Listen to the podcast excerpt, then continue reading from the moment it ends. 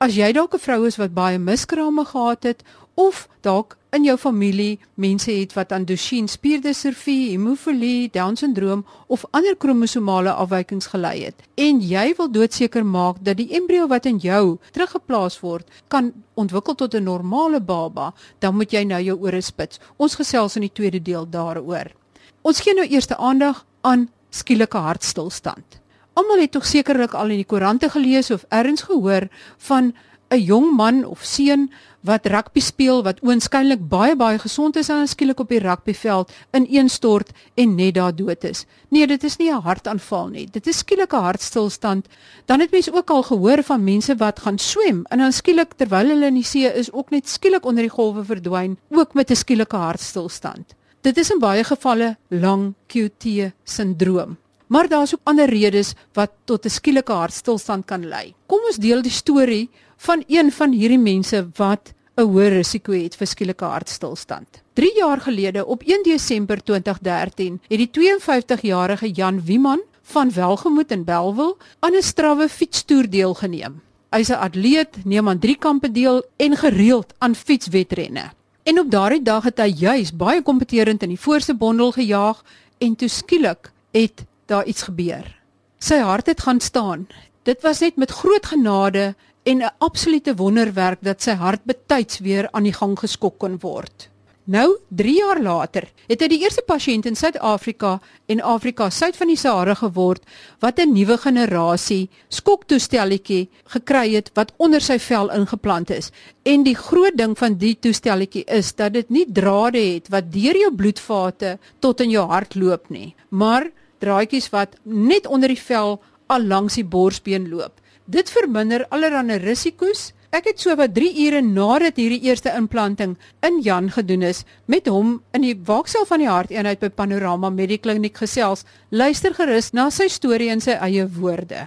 Man, wat gebeur het? Ek is uh, in 'n wedren in die middel van die wedren het ek in die bondel gesit. Die wedren was relatief hard en die een oomblik het ek niks meer keer en die volgende oomblik het dit absoluut gevoel asof iemand my ligte afsit. En ek het besef daar's 'n probleem. Ek het opgesit, eh, van die pad af getrek en gestaan oor my fiets en toe val ek om. Wat tot 'n groot mate my redding was is dat die skeieregter en die ambulans was reg agter die bondel gewees. Hulle het gedink ek het geval want hulle het my gesien lê in die gras en uh, gestop. En 'n vriend van my het gestop wat uh, agter ons gery het en hulle het my probeer ophelp maar ek was net heeltemal inkapabel geweest. Ek was bewus van van wat om my aangaan, maar ek kon niks doen nie. En uh, toe het hulle my in die ambulans gelaai en toe het hulle met my deurgejaag Parel Medical Kliniek toe. En al wat ek daar kan onthou is wat die dokter vir my gesê het, hy gaan my onder sedasie plaas en my hart skok. En die volgende wat ek onthou is toe hulle my by Panorama se harteenheid instoot. En ek het eers na die tyd uitgevind wat wat gebeur het, waar my hart heeltemal uit ritme uitgegaan het, soos hulle sê all systems shut down tipe van storie. Ek was bewus van wat gebeur. Dis nie so dat jy bekommerd is of jy dit is 'n totale vreemde gevoel want dit het nog nooit met my gebeur nie en hopelik nie weer nie.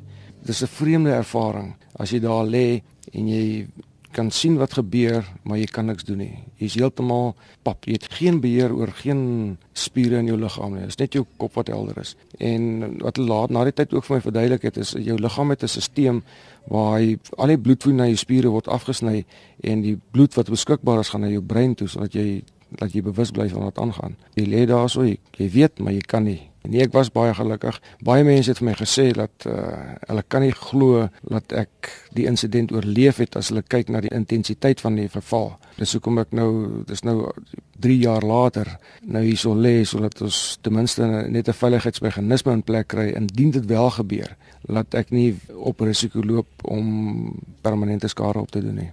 En jy ry nog steeds fiets?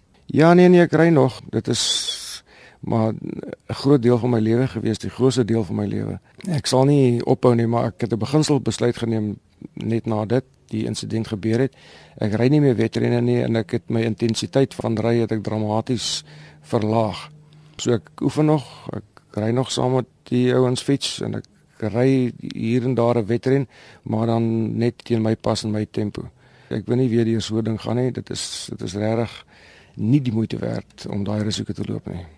Ek het ook met Dr. Azin Gopal, kardioloog en elektrofisioloog verbonde aan die Kaapstad Atriale Fibrillasie Sentrum wat in Panorama Medikliniek gelees gesels en hy het meer verduidelik oor skielike hartstilstand en ook oor die nuutste behandelingstegnologie wat nou beskikbaar is.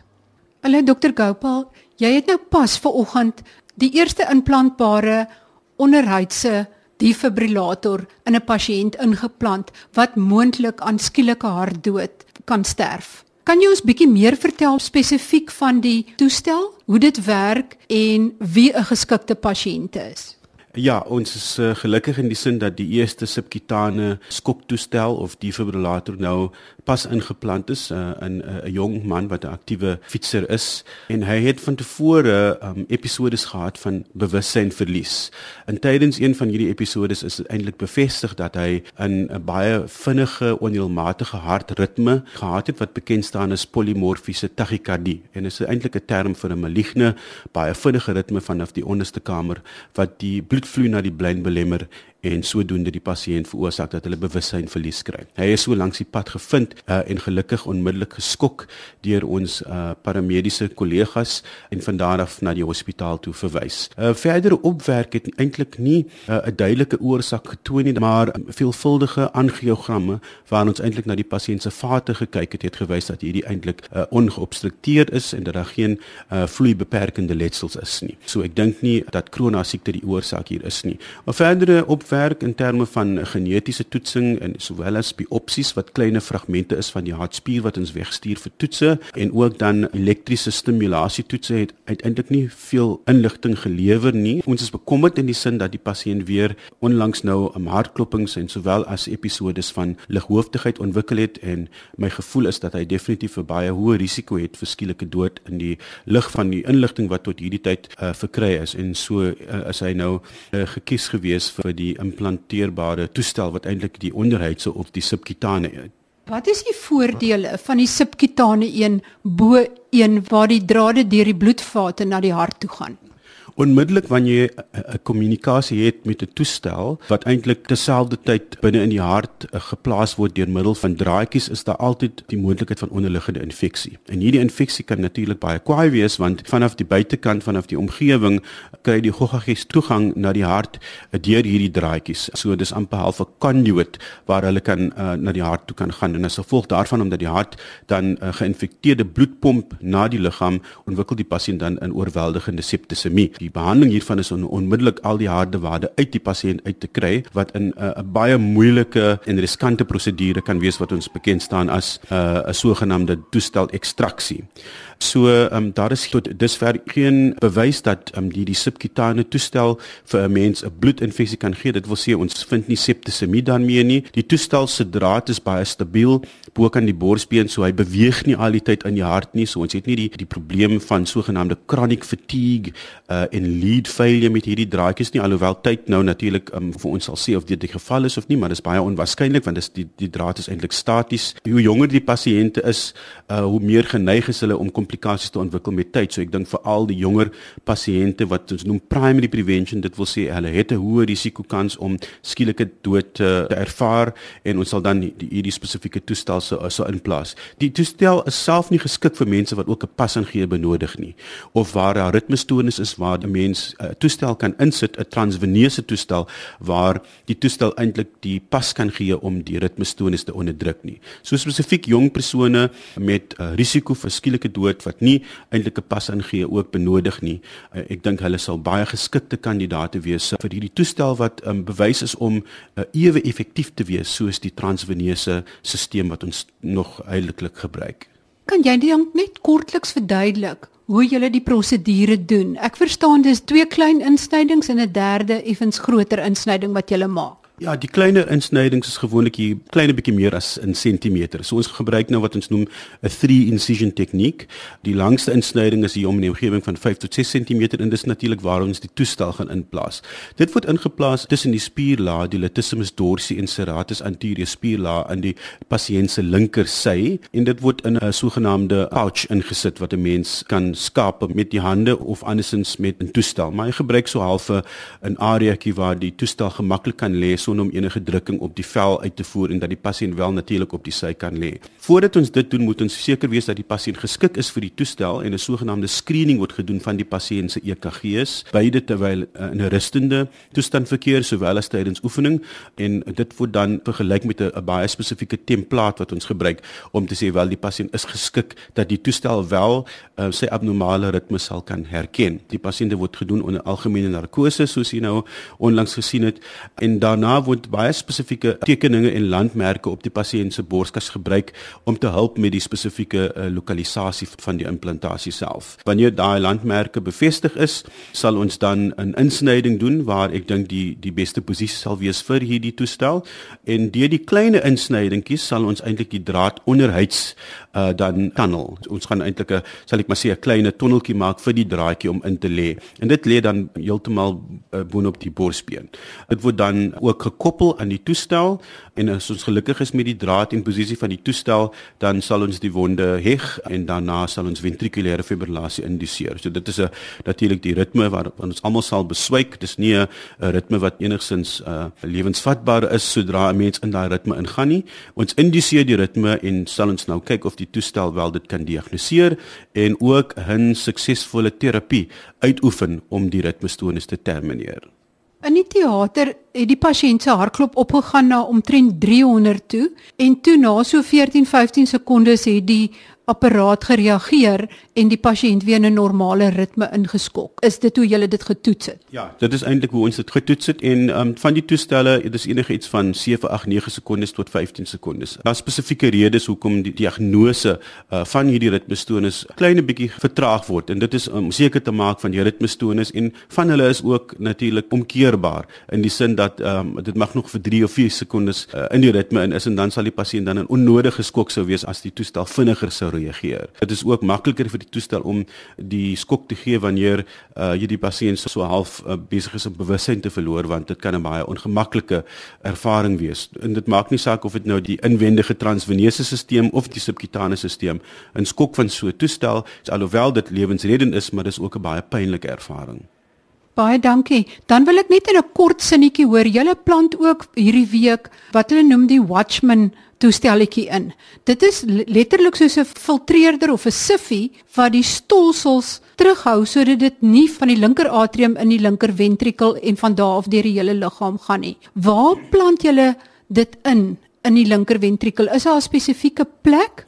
Hierdie toestelle word slegs gebruik in situasies waar pasiënte of van tevore 'n beroerte gehad het of baie hoë risiko's vir beroerte en pasiënt wat ook aktief bloei as gevolg van uh, die antistolmiddel of dat hulle eintlik geensins die antistolmiddel kan tolereer nie of verdra nie. So dis die enigste pasiënte wat ons sou dink is geskik hiervoor. Die toestel uh, eintlik word in die linker auricle wat eintlik die oortjie is van die linker atrium wat die, die algemene plek is waar trombus of stolsel uh, ontwikkel en dit word dan daar eintlik geïmplanteer in die auricle en dit um, sal dan span. Dit rek eintlik en dit heg dan aan die wande van die auricle self. En dit is so amper half 'n sambreel dat dit geen bloed toelaat in hierdie auricle nie of bloed dan sal uitlaat nie. En so um, sal dit eintlik met tyd geëndothelialiseer word en die liggaam se eie membraan groei dan oor hierdie sambreeltjie wat in die auricle sit en so word die, die auricle eintlik half geïsoleer van die res van die hart. En die toestel is gewys om in verskillende studies om baie effektief te wees,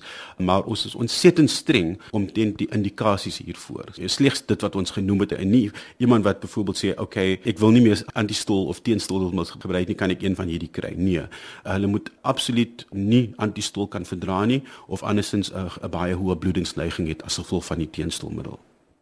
Gaan kyk gerus op www.rsg.co.za.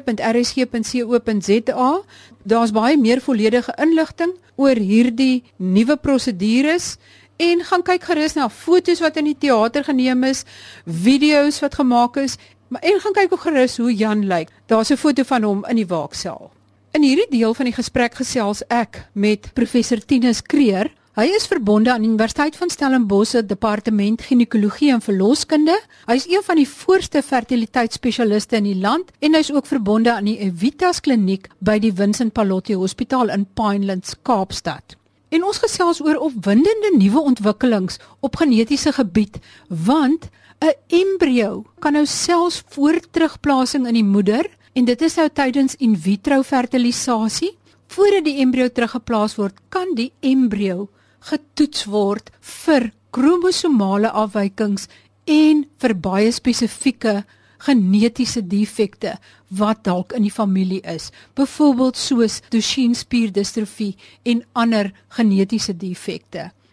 Let ook op waar hy verwys na sketse en tekeninge of illustrasies dat alles op die webwerf gelaai is en dat jy sommer nou al op www.rsc.co.za kan gaan kyk en dan die gesprek kan volg deur na die sketse waarna hy verwys op die webwerf te kyk. Professor Kreer, daar is baie opwindende nuwe verwikkelinge op die gebied van genetiese toetsing in die vroeë stadium van embrio's. Kan jy vir ons meer daarvan vertel? Nou wanneer ons met die proefbuisbaba tegniek in vitro bevrugting ova oes, dan kry ons letterlik die mense kan eintlik 'n klein sirkeltjie trek, 'n eiertjie wat soos 'n hoendereier is, maar hy's nou net anders gevorm. Jy kan hierdie prentjie voor jou sien, maar dit is letterlik 'n sirkel. Aan die kant van hierdie sirkel moet daar 'n klein liggaampie verskyn, genaamd die polaarliggaam. Dan weet ons nou hierdie eiertjie is volwasse en reg om bevrug te word. Dis verstommend om te weet dat daar is studies nou gedoen wat bewys het dat die helfte van 'n vrou van 25 se eiertjies is kromosomaal foutief. Nou hoe weet die mense dit? Daardie klein polaarliggaampie wat soos letterlik soos 'n satelliet hier aan die kant van die sirkel sit. As jy hom uithaal, kry jy 'n spieelbeeld van die kromosome van die eier. En toe het verskeie navorsers getoon dat baie van die eiers alwel hy volwasse is, is hy kromosomaal foutief. Nou die kromosome moet 23 wees in die eier. En as dit 22 is of 21, is dit 'n foutiewe eier en gaan dit nie lei tot 'n swangerskap nie. So dis die eerste faset wat ek net oor wil praat wat nuut is en wat gedoen kan word, word genoem die polaar liggaam biopsie en kromosome kan dan bepaal word. Tweedens kan mens en is daar gekyk na die embrio soos hy nou ontwikkel. So van 'n een selletjie as mens hom bevrug kry, dan verskyn daar twee kolletjies in die eier. En as iemand nou 'n sirkeltjie wil trek en binne in die eier twee sirkeltjies, klein sirkeltjies maak, dan sien jy die eerste dag wat gebeur en dit is bevrugting en die een sirkeltjie is die manlike kromosome en die ander sirkel is die vroulike kromosome. Dan smelt hulle saam en 'n dag later gaan die pasiënt hoor ons het nou 'n 2 sel en 'n 4 sel embrio. En nog 'n dag later ons het nou 'n 8 sel embrio. So daardie 1 sel het verdeel en dit word dan nou genoem 'n embrio. En as die embrio na dag 5 gaan, dan is daar die kompakte stadium of moerbui stadium, morula word dit ook genoem, of 'n blastocyst. Nou dan's die embrio eintlik het hy gegaan na klompselle en as daar 'n holte in daardie embrio vorm dan is dit nou die blastocyst.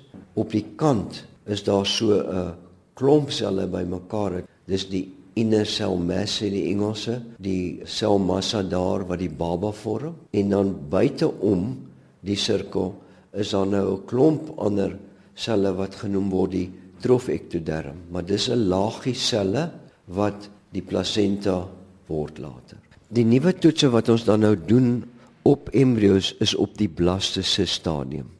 En daai klomp selletjies hier op die kant van die sirkel, die trofektoderm, daar plaas ons dan 'n naaltjie in, trek 'n klompie selle af en sit dit in 'n botteltjie wat na genetika toe gaan en hulle kan dan die volle stel kromosome van daai embrio doen voordat jy hom implant. As jy net na die kromosome kyk, dan word dit nou genoem die sogenaamde PGS, pregenetiese sifting in Engels pregenetic screening. So jy kyk nou net na die kromosome want jy weet die algemene rede hoekom vrouens nie swanger word nie is hulle kromosome van embrio's verkeerd. En as vrouens herhaaldelik val, dan kan mens hierdie toets dan aanvra die gesonde embrio dan later terugplaas. Die ander toets is die sogenaamde PGD. Dis pregenetic diagnosis. Dis baie dieselfde, selfde plek kry jy die selle, maar nou kyk jy na byvoorbeeld hemofilie, ander siektes, genetiese siektes, plus jy kyk na die kromosome. 'n Voorbeeld is dan hemofilie of spierdistrofie waar die kinders baie vroeg sterf weens hierdie familiale siekte.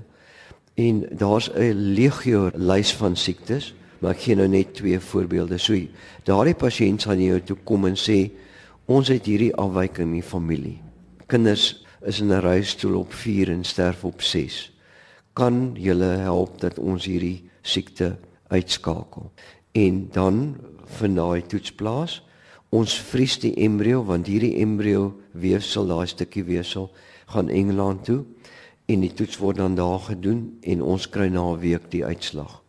Dan volgende maand kan ons sê uit die 5 embrio's wat getoets is, is daar 2 normaal sonder die genetiese afwyking en die kromosome is normaal en ons plaas daai gesonde embrio terug in die hoop dat daar dan 'n swangerskap sal kom. Waar 'n vrou voorheen maar 'n kans moes vat met iets sê maar soos Duchenne spierdistrofie wat die helfte van die manlike 'n nageslag kan aantas. Weet die seentjie het 'n 50% kans om dit te hê. Nou kan hulle voordat hulle nog swanger raak, kan hulle al verseker weet dat die as dit 'n seentjie is, hy nie Duchenne spierdistrofie kan hê nie. Dit is fenomenaal. Dit is so mense het steeds 'n keuse en ek het 'n egpaar gehad waar ons na lang gesprek het hulle besluit hulle gaan die kans vat want daar's 'n 50% kans dat die embrio die baba normaal kan wees. Sy word dus swanger, sy word getoets en ongelukkig is die baba toe aangetas met hierdie lewensbedreigende toestand. Sy het vooraf besluit op 'n terminasie en dit was vir haar baie traumaties. En sy het toe die tweede ronde gekom. Ons het eiers of ova geoes die embrio kultuur, die luisteraars verstaan nou tot blastose stadium, die selletjie geneem en ons het by haar 'n gesonde embriootjie teruggeplaas en sy's nou swanger en is verby 12 weke. Ek neem aan Down syndroom is ook een van die kromosomale afwykings waarvoor jy kan toets. Kan jy dalk net nog so 2 of 3 noem? Ja, Down syndroom is 'n voorbeeld. Edwards syndroom, Patel syndroom, daar's 'n klomp van hierdie toestande wat sommige van hulle wat nie lewensvatbaar is nie. Ons het mense wat herhaalde miskrame het en dan diagnoseer ons sê nou maar by die man 'n kromosoom 13 14 gebalanseerde translokasie. So by kromosoom 13 14 is daar 'n fout en dan kan die embrio's getoets word en die gesonde embrio teruggeplaas word. Hierdie pasiënte met die gebalanseerde translokasies kom soms met 5, 6, 7 miskrame en dan kan mens tog vir hulle help. Dis nie 100% nie want al is die kromosome soms normaal, is daar nog 'n ontwikkeling wat moet plaasvind, maar jou kans vir swangerskap is dramaties hoër as wat jy raai. Professor Kreer, wie is 'n tipiese kandidaat vir hierdie tipe sifting en diagnostiese toetsing? Die argument om uit te soek is dat die jong pasiënt gaan swanger word en dat die abnormale embrio gelukkig gewoonlik nie implant nie. Maar by die pasiënt met herhaalde valings, die pasiënt wat ouer is en besorg is oor Down syndroom, daardie groep is veral 'n groep wat mense onmiddellik aan aandag kan gee. En dan natuurlik die groep wat PGD benodig, dit wil sê genetiese afwykings bekend in die familie wat hulle wil uitskakel. Goed, dan net 'n laaste vraag. As jy nou uit hierdie klein selletjie materiaal onttrek, rig dit enigsins skade aan die selletjie aan of is dit 100% veilig? Ek dink niks is 100% veilig nie, maar dit word baie fyn gedoen. Dit verg baie vaardigheid. Dit is aan die nuus oor die baie interessante nuwe verwikkelings oor genetiese toetse wat nou op embrio's gedoen kan word selfs voordat hulle in die moeder teruggeplaas word tydens in vitro fertilisasie. En dis dan soos professor Kreer gesê het, veral van belang vir vroue wat dan reeds 'n hele paar miskrame gehad het waar die man dan spesifieke kromosomale genetiese defekte het wat geen invloed op hom het nie, maar moontlik op die embrio en dan ook waar daar spesifieke genetiese siektes in 'n familie voorkom wat baie ernstig is en wat mens baie graag liefs wil vermy. Dit is aan die einde van vandag se gesondheid op RSG, maar skakel gerus volgende week weer in, dan gesels ons weer gesondheidsake. Tot volgende week dan. Totsiens.